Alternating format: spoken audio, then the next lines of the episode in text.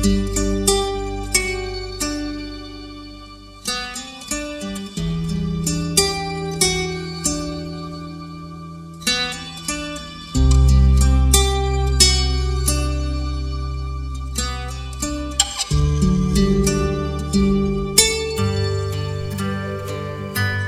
adik-adik yang dikasihi oleh Tuhan Yesus, jumpa lagi dalam podcast Renungan Harian Anak.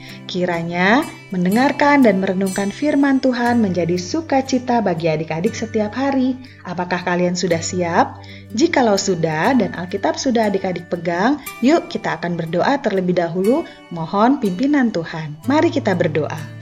Bapak Surgawi, Bapak yang baik, kami bersama-sama bersyukur Tuhan untuk hari ini karena kami dapat kembali untuk mendengarkan dan merenungkan firman-Mu. Berfirmanlah ya Tuhan, nyatakan apa yang Tuhan mau untuk kami mengerti dan apa yang Tuhan mau untuk kami lakukan dalam hidup kami hari lepas hari. Terima kasih Bapa, hanya di dalam nama Tuhan Yesus kami berdoa dan bersyukur. Amin.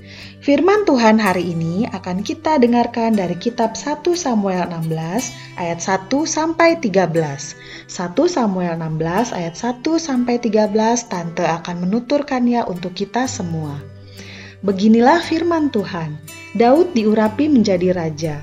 Berfirmanlah Tuhan kepada Samuel, "Berapa lama lagi engkau berduka cita karena Saul? Bukankah ia telah kutolak sebagai raja atas Israel?" Isilah tabung tandukmu dengan minyak dan pergilah. Aku mengutus engkau kepada Isai orang Bethlehem itu, sebab di antara anak-anaknya telah kupilih seorang raja bagiku. Tetapi Samuel berkata, Bagaimana mungkin aku pergi? Jika Saul mendengarnya, ia akan membunuh aku. Firman Tuhan, Bawalah seekor lembu muda dan katakan, Aku datang untuk mempersembahkan korban kepada Tuhan. Kemudian undanglah Isai ke upacara pengorbanan itu. Lalu aku akan memberitahukan kepadamu apa yang harus kau perbuat. Urapilah bagiku orang yang akan kusebut kepadamu. Samuel berbuat seperti yang difirmankan Tuhan, dan tibalah ia di kota Bethlehem. Para tua-tua di kota itu datang dan mendapatkannya dengan gemetar dan berkata, Adakah kedatanganmu ini membawa selamat? Jawabnya, Ya, benar, aku datang untuk mempersembahkan korban kepada Tuhan. Kuduskanlah dirimu dan datanglah dengan daku ke upacara pengorbanan ini. Kemudian ia menguduskan Isai dan anak-anaknya yang laki-laki dan mengundang mereka ke upacara pengorbanan itu. Ketika mereka itu masuk dan Samuel melihat Eliab, lalu pikirnya, sungguh di hadapan Tuhan sekarang berdiri yang diurapinya. Tetapi berfirmanlah Tuhan kepada Samuel, Janganlah pandang parasnya atau perawakan yang tinggi, sebab aku telah menolaknya. Bukan yang dilihat manusia yang dilihat Allah. Manusia melihat apa yang di depan mata, tetapi Tuhan melihat hati. Lalu Isai memanggil Abinadab dan menyuruhnya lewat di depan Samuel. Tetapi Samuel berkata, orang ini pun tidak dipilih Tuhan. Kemudian Isai menyuruh Syama lewat, tetapi Samuel berkata, orang ini pun tidak dipilih Tuhan. Demikianlah Isai menyuruh ketujuh anaknya lewat di depan Samuel. Tetapi Samuel berkata kepada Isai, Semuanya ini tidak dipilih Tuhan. Lalu Samuel berkata kepada Isai, Inikah anakmu semuanya? Jawabnya, masih tinggal yang bungsu, tetapi sedang mengembalakan kambing domba. Kata Samuel kepada Isai, Suruhlah memanggil dia, sebab kita tidak akan duduk makan sebelum ia datang kemari. Kemudian disuruhnya lah menjemput dia. Ia kemerah-merahan, matanya indah dan parasnya elok. Lalu Tuhan berfirman, Bangkitlah, urapilah dia, sebab inilah dia. Samuel mengambil tabung tanduk yang berisi minyak itu dan mengurapi Daud di tengah-tengah saudara-saudaranya. Sejak hari itu dan seterusnya berkuasalah roh Tuhan atas Daud. Lalu berangkatlah Samuel menuju Rama. Demikianlah firman Tuhan. Tema renungan kita pada hari ini adalah Presiden Republik Indonesia Insinyur Joko Widodo. Adik-adik, ada masa atau tahun di mana Indonesia benar-benar mengalami krisis ekonomi sebagai akibat dari krisis kepemimpinan yang tidak peka terhadap kebutuhan rakyat Indonesia.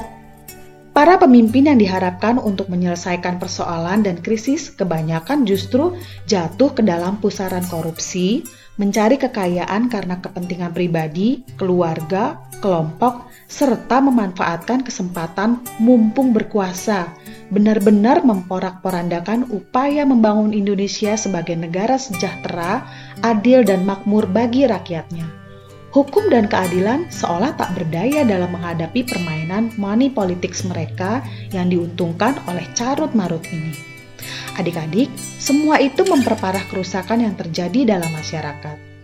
Insinyur Joko Widodo yang semula tidak diunggulkan, bahkan diremehkan karena kesederhanaannya, tapi muncul sebagai pemimpin yang tangguh dan terbaik di antara calon-calon yang lainnya pada pemilihan calon presiden RI tahun 2014. Indonesia patut bersyukur karena Tuhan telah berkenan memilih Insinyur Joko Widodo sebagai Presiden Republik Indonesia.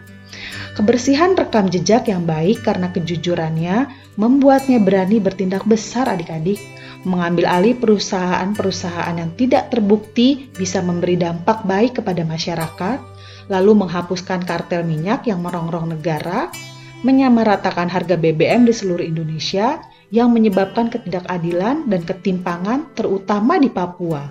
Lalu membangun infrastruktur yang memutus keterasingan serta keputusan-keputusan besar lainnya yang berpihak kepada negara dan rakyat secara keseluruhan. Nah, adik-adik, Presiden Jokowi muncul sebagai yang terbaik di antara calon-calon yang lain. Ia memiliki pribadi yang terbaik dan bahkan terbaik di antara yang dianggap baik. Tuhan secara tepat memilih dan menetapkannya untuk memimpin Indonesia menuju kebangkitannya dari masalah politik, ekonomi, dan kesejahteraan rakyat Indonesia. Adik-adik, karena kalian juga dipilih Tuhan untuk menjadi anak-anak Tuhan untuk memberkati negeri ini, maka kita pun mau terus untuk berdoa bagi negeri ini adik-adik ya, bagi para pemimpin yang sudah Tuhan tetapkan untuk menjalankan kepemimpinan di negeri kita ini. Yuk kita sama-sama katakan bahwa Aku mau setia pada ketetapan-ketetapan Tuhan yang adil. Sekali lagi ya, aku mau setia pada ketetapan-ketetapan Tuhan yang adil. Mari kita berdoa. Bapa di surga, terima kasih telah membantu pada pemilihan presiden sehingga terpilih seorang pemimpin yang berkenan pada Tuhan. Tuhan memberikan pemimpin yang takut akan Tuhan sehingga tercipta keadilan dan kemakmuran rakyat Indonesia. Kami bersyukur Tuhan untuk kebaikan Tuhan bagi negeri kami ini. Terima kasih Tuhan, hanya dalam nama Tuhan Yesus kami berdoa. Amin. Renungan kita sudah selesai. Sampai jumpa besok lagi ya. Tuhan Yesus memberkati.